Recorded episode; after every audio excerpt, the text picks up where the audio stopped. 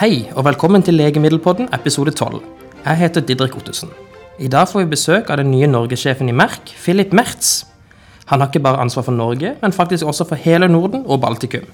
Med en bakgrunn fra finans- og legemiddelindustri i hjemlandet Tyskland skal vi diskutere kulturelle forskjeller, hvordan Norge kan skape en helsenæring, og kanskje litt om hva vi kan lære av tysk tilnærming til tilgang. Siden det jeg husker av min skoletysk begrenser seg til å gi veibeskrivelser til et fiktivt bibliotek, så gjør vi alle en tjeneste og tar denne samtalen på engelsk.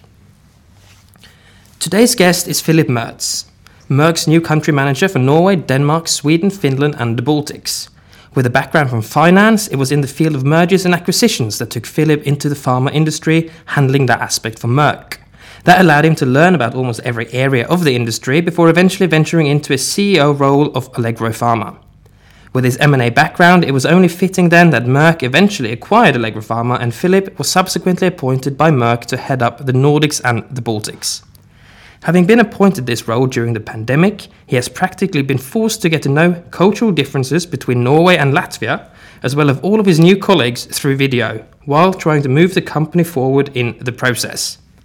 Here to discuss Norway's potential within health industry and whether there's something the Nordics can learn from each other, or whether we perhaps should explore Germany's Autobahn approach to market access of new innovations, and plenty more. It's an absolute pleasure to welcome you to the LMI podcast, Philip. Uh, how are you? Are you settling in well? Hi Didrik, uh, thanks for having me. Um, jeg snakker ikke mye norsk, uh, men jeg lærer. Uh, but that's about it. That's um, better than my German.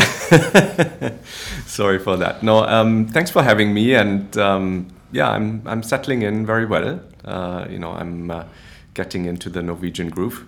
I would say. That's quite a groove. And uh, how long have you been here now? Uh, we arrived mid of August, and uh, since then have been here in Norway and really enjoying the last summer days, and um, you know now venturing into winter. And you are also the G, uh, GM for other countries, but you are based here. Is that the similar role, or is it a different? How, how, are you operating when it's when you sort of been based here in Norway? Yeah, so I'm uh, the general manager for Norway, managing director for Merck in Norway.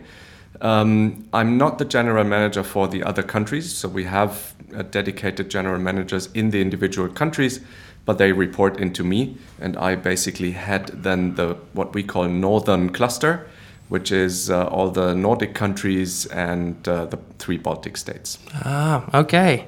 So that must mean that you have uh, you've had a lot of catching up to do and a lot of people to get to know over the past few few months. Yeah, exactly. Um, fortunately, I was able to meet the Norwegian team uh, here in the office face to face. You know, that's uh, always good when you start in a new in a new uh, team. The other countries, um, so far, unfortunately, I was only able to meet virtually. Uh, you know, um, in in video calls. Um, which also works to a certain extent, but um, for sure, you know, I'm very much looking forward to meeting them in their countries, in their respective envi environment. Uh, hopefully, you know, once this uh, second COVID wave has uh, has passed. Naturally, and uh, before you started in the pharma industry, you worked in finance. Mm. Do you see any similarities there, or do you see any benefits from having worked in different industries and uh, gaining new, different perspectives, perhaps? I think that's exactly uh, the the point, right? Um, I have worked. It was not exactly like hardcore finance. It was more the transaction business, mergers and acquisitions, um, in various roles, consulting um, in the private equity uh, area for General Electric, and then also for Merck. Uh, that's how I joined Merck. Um, I, I think it gives you exposure and insight into many different business models um, you know, which you then can also make use of uh, in the pharma industry uh, and when running running a business. Um, it also certainly helps you to develop good, you know, analytical thinking and uh, strategizing, uh, which is also helpful.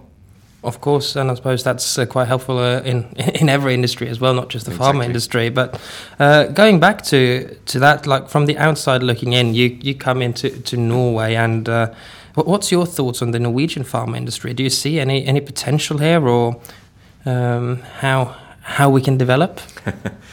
um, it, you know, I think my, my first impression, and obviously I'm, I'm very new to the country and the region. Um, that's why we ask. no, that's fair.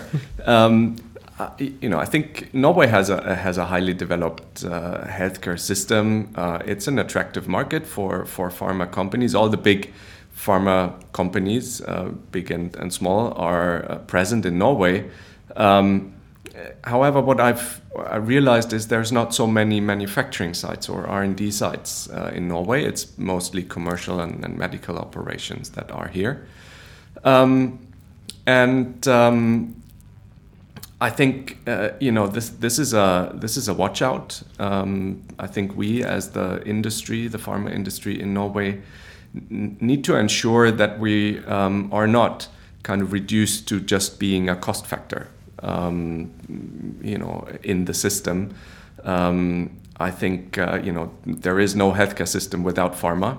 That's clear. Um, we create, prolong, enhance, and, and save lives in the end right? And and so I think there's always opportunity to grow, um, but we need to ensure that this is also seen. I think you touched upon something interesting there. That you know, looking at health not only as an expense, but actually as a possible way of uh, making money as well. Mm. Uh, and is, do you think that's um, do you think that's, that's something that's quite unique for Norway, or like looking at Denmark, for example, where we have a big, uh, or where they have a big uh, pharmaceutical industry? Do you think that separates Norway from the other Scandinavian countries? Obviously, you haven't got to know them that mm. well yet, but do you think there are any? What, what separates Norway there? Well, I think you know there is uh, there, there is specifics to each market um, in the Nordics, in the Baltics. Um, they're all different. None is, is better or worse than the other. They're just you know different. Um, every system has its challenges and strength. Um, you know, I don't want to go into comparing them in detail now. I think uh, I'm not quite there yet. Um, but I think you know it, it's super important to have a continuous exchange uh, you know between the different systems not only in the nordics um, but also in europe um, because you know only if you kind of open to learn and open to develop, uh, then obviously you know you can you can uh, progress. Oh, absolutely, absolutely, and um, you know in terms of, um, I mean, Merck has a lot of interesting products in their pipeline. And uh, what are some of your goals for, for your time here in Norway uh, related mm. to, to Merck and the company? Yeah. Um, so I think you know we are as Merck we are in a in a very interesting phase right now. In the past years, we've really managed to build a very strong pipeline, um, particularly in in the oncology, immuno-oncology, and neurology space. This is really where uh, we are very strong, and um, so you know there are quite some interesting launches coming up in the next uh, months and years. Um, fingers crossed they all get through, right? That's pharma. Um, but so we're, we're really optimistic on that, and you know that's obviously going to be a uh, a focus area to make sure that we um, we launch them in Norway, that we get market access, which is an important uh, and you know uh, tricky thing in many countries. Um, and uh, and then you know be there for the patients uh, and as a scientific partner really uh, to dr- to drive the business. Because it's interesting, you mentioned market access there. Because I mean, uh, the country you're from, uh, Germany, obviously they have a completely different approach. Mm. How how does market access work there? Can you tell us a little bit about how the, the German system works? Mm. Um, so Germany has has actually uh, you know worked on their market access landscape um, from a from a government and authority point of view in the past 10 years quite uh, extensively. I think it's now around 10 years ago that they introduced a new procedure um, which is called AMNOG uh, and um, it it really I would say enabled very quick access um, of innovative and new medicines to the market. Because basically, what it does is um, it, you, you, you do get access to the market immediately after marketing authorization. So once you have the EMA approval or the local approval, you can immediately start to sell um, the product. You don't need to go through any other steps at this point. Interesting. Um, but they still start um, a process, which is an evidence based assessment um, in the respective indication, really to, to try to see uh, in a very um, balanced and unbiased uh, uh, approach is there a quantifiable additional benefit of the new medicine versus the standard of care? Um, and um, so this is really based on patient relevant uh, endpoints um, like mortality, quality of life, uh, prolongation of life, and so on. Um, and, and there is also you know a difficulty. How do you weigh these endpoints, right? How do you weigh the different um, studies that you see? Um, you know, because there is, and we all know that usually head-to-head studies are not very common, right? Um, so um, also that system has its drawbacks. Um, but I think what it really does is it, as I said, it enables a very quick market access. You you bring innovation to the patients. That's what really matters, and you still have a mechanism to to adjust the price afterwards. Because once you've gone through that uh, initial assessment phase, then you still have to go into price negotiations with the payers. Um, and depending on the outcome, you know, if there is a strong um, or at least a quantifiable uh, added value, added benefit, um, then you're in a better position, obviously. If there's not, you know, you have to be compared price-wise with comparable um, molecules or, or um, mode of actions Interesting. So, so it's essentially introducing the product to the market, and then based on effects, then after that you you determine the price, or you go into price negotiations based exactly. on how, how good the product is. Exactly. So yeah. technically, I mean, if, if, you have a revolutionizing blockbuster proj- uh, product, then um, you know you'll still get your money's worth, so to say. And uh, but if if you if you're a your product doesn't have that much effect, then obviously that will be reflected in the price. So it's a quite fair way of uh, of doing it. I would say so. You know, there is still a lot of dispute also around that um, procedure. Um, you know, especially around how do you um, how do you weigh and value different study designs, endpoints. It's, it's very much focused still on the classical double-blind, placebo-controlled, randomized uh, studies, right? Um, it's very much focused in the assessment on the data that is available at the time uh, of market authorization. Um, it doesn't take account into account um, real-world evidence data, for example. So you know the data that you have at this point is limited, as per definition um, then patient preference uh, is something that is uh, you know increasingly important. For example, if you have if you have oncology treatments, you know you might have a similar um, endpoint, maybe overall survival, to existing therapies, but you know it has the new therapy has benefits in regards to side effects, which can be quite severe with chemotherapy, for example. Um, and then, you know, how do you factor that in? Because in a classical um, clinical setting or trial setting, this doesn't really come into into play. So, you know, and then you could end up having really a beneficial treatment for the patient, which from a effect point of view is considered very similar to what's out there. And so, you know, there, there is continuous improvement, and I think that's something that is is really remarkable there um, that the system is able and willing to learn, right? So they are discussing, for example, right now, uh, translational tumor boards, uh, which is a all stakeholder um, um, approach where you also have patient groups in there, um, KTLs, physicians, experts, health economists, to really um, identify early on patient needs uh, in very specific tumor um, indications, for example. Interesting. And, and, then you know generate a need from that.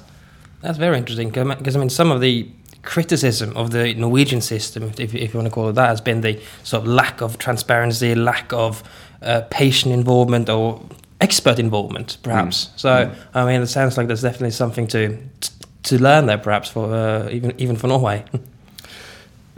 I think you know the exchange is the important thing, and I don't want to say that the German system is perfect. By far not, right? Um, it has advantages, and I think you know this is something where a, a, good exchange between the systems makes a lot of sense because there's certainly also advantages in the Norwegian system, right? The focus on equality, um, having uh, you know basically everybody in the society having access to that um, this is something where we in Germany see a lot of, um, you know, I would say difficulties with this. We have the statutory insurance, we have the private insurance, which, you know, do take up uh, 15% of the market, and physicians tend to prefer those patients. Uh, over the statutory uh, um, patients. So, you know, there is uh, benefits and um, kind of challenges in every system. But it sounds quite forward leaning, though, or forwards or, or, prepared for the future with increased amounts of real world evidence when that can be introduced to the system. It sounds like it has, uh, it is more rigged for, for future medicines and for, for orphan drugs, for example. Or... I think that's an important point, right? Also looking at, at registries and the data that has been created. And, you know, this is something where uh, as far as I have understood and, and heard, Norway is is very much on the forefront, creating registries for uh, different indications, um, neurology, multiple sclerosis, uh, also oncology. There's something where we are very much engaged as Merck, um, and this generates generates a whole lot of data that um, you know gives you a very very direct and clear understanding of of impact, of evidence, of efficacy, of patient benefits um, that uh, I think you know we need to um, include in these assessments um, and not only look at a certain point in time and then say yes or no, but um, you know have a have a more continuous and forward-looking um, assessment. So how can we get there? Is it uh so can, can the industry play a part? Is it lack of trust that sort of, uh, or do, do, we speak different languages with, than the health mm. authorities? Uh, well, I, I don't think we. It's, it's the easy questions now. yeah, exactly. I'm realizing that. Um, I, I don't think we're speaking different languages, or maybe let's let's put it differently. I think in the end, it, you know, we have um, we we all have the same objective, right? Taking care of the patients um, that's our objective as pharma industry, but it's also the objective, undoubtedly, uh, of the health authorities of the system uh, in any country, right? Um, so I think, and that's the commonality we have, and, and we need to maybe sometimes refocus on that and make sure we don't lose sight of that. Um, and then, you know, obviously, there is always a matter of trust right? Um, you know, uh, the pharma industry in the end is not a pro bono industry, right? We have to earn money. We do invest quite a lot of money. There is billions of, of euros every year going into R and D, uh, into research, um, and uh, somehow you know we need to have the opportunity to also um, recover that money and and be able to further innovate, right? Otherwise, you know, if the pharma industry does not innovate, who will? And uh, uh, I think this is where, um, but we also, as the pharma industry, we need to understand that there is budget budget constraints in the system, um, and we need to respect that. And that's why, again, you know, the the exchange is so important um, to really make sure that we keep the focus on the patient. And you know, I think uh, there, uh, the pharma industry has to do more to regain that trust, to um, to keep investing, and also to you know always challenge a bit. You know this must be allowed. Um, to to kind of keep the thought process going. Exactly. You need someone to someone to push and someone to pull. Exactly. And uh, it's interesting. You, you talked about sort of um, spending. And I mean, with COVID 19 coming in now, obviously that will affect public spending because it's been uh, an expensive few months. Um, and that will also affect the healthcare sector. And how do you think that those challenges will affect access to new medicines? Mm. And that's a really interesting question. And, uh, you know, it has very, very many uh, factors to it, I think. Um, you know, in a way, I think uh, COVID has really um, accelerated the way how the pharma industry needs to be working. Um, you know, the the the classical way of bringing products to the physicians, to the HCPs, has changed. I think forever. Um, this classical face-to-face interactions will become less due to time constraints with physicians um, but also due to new ways of working, right? Uh, the physician wants to, to pull information in the form he can best digest it, but also at the time he can best digest it. Um, and we need to uh, we need to you know work with that. Uh, and that there, I think COVID has really accelerated things, right? The virtual working, um, kind of, you know, using more different challenge, uh, channels, um, not only face-to-face meetings. Um, I think you know one risk I see currently also with the COVID situation is that um, we, we right so we you know we put a lot of focus on treating COVID patients, but we shouldn't forget there is a lot of other severe diseases out there, right? And and um, uh, there is indications that patients are more reluctant to see physicians right now which results in you know maybe late diagnosis uh, in severe diseases, uh, you know delaying treatments, um, and uh, you know this is something uh, where we need to have a look on also as a, as the system. Um, I don't think it's time to save money now, to be honest. Right? Um, it's an it's really um, a health crisis of unknown dimension. And uh, you know, in such times, we all need to kind of stick together and, and make sure that we keep the patients in sight. Uh, otherwise, you know, there will be really dramatic collateral damages as well. That's um, a very good point. And uh, of course, you talked about how uh, COVID has affected uh, a lot of things, but it's also affected your situation because you came in to, uh, to, to, be a general manager in Norway and then head up the cluster area in the, in the Nordics and the Baltics. And uh, that can't have been an easy task uh, with um, not being able to meet face to face. Absolutely. Um, you know, as I said initially, it's, it's really impossible to meet the colleagues in the other countries uh, right now. It's. Um, traveling is very much restricted, um, and um, you know when you when you get together a new team, it's ideal that you sit together, you brainstorm how do you want to work together, what are your priorities going forward. But that has to happen virtually right now. Um, so you know we in that regard, and with the other countries, we have really um, found pretty good ways, I have to say, to work virtually. We're doing workshops uh, over uh, virtual platforms. Um, nevertheless, you know, to really understand um, the other countries, the other systems, our customers in the other countries, um, at some point we need to be on the ground. And for me, this is really essential. Otherwise, I think we stay on a desk in an office, and that's not uh, where you really get insights. No, exactly. And you still haven't, I mean, you've been in Norway the whole time, you still haven't ventured into any of the other countries. It must be tricky to learn cultural differences as well, because I mean, the cultural differences between Latvia and Norway must be, as an example, of course, must be quite, uh, quite significant or quite yeah. noticeable. Yeah. No, this is something that makes it, uh, you know, virtually much more difficult, obviously, to, um, you know, to, to to see and feel and grasp those uh, those um, differences. Um, but I think if you stay somewhat um, alert to that, uh, it works, right? I mean, you can communicate. At least you see a face, uh, a moving face over video chats and so on. So I think we'll we'll manage that. And everybody is in the same situation, right? Um, so I think that's something that kind of brings us together. Yeah, true. It's not like you choose not to visit. Exactly. So it's exactly. not like you, you, you hide behind anything there. Yeah. yeah. yeah. Uh, Do you think there's any benefits to this new normal? Like, are there any like quicker meetings, perhaps, or being more efficient? I mean, certainly there are something from this that we can, once the situation becomes more normal, that we can, mm. you know, use and utilize and get something out of it.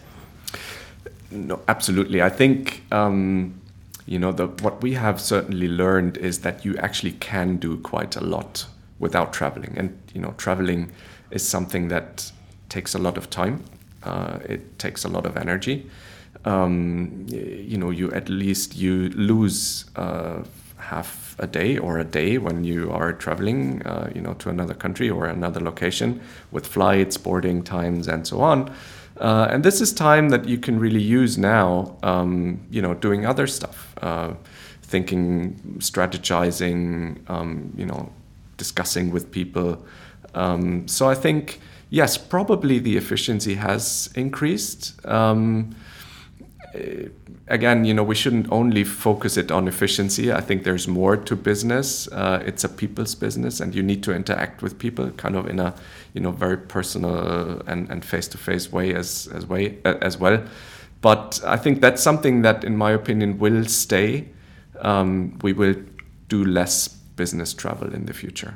Yeah, and I'm certainly happy you came to interact face to face here. It's been an absolute pleasure to have you on the podcast, uh, Philip, and uh, we look forward to continued collaboration. Thank you. Thank you so much. forward to that.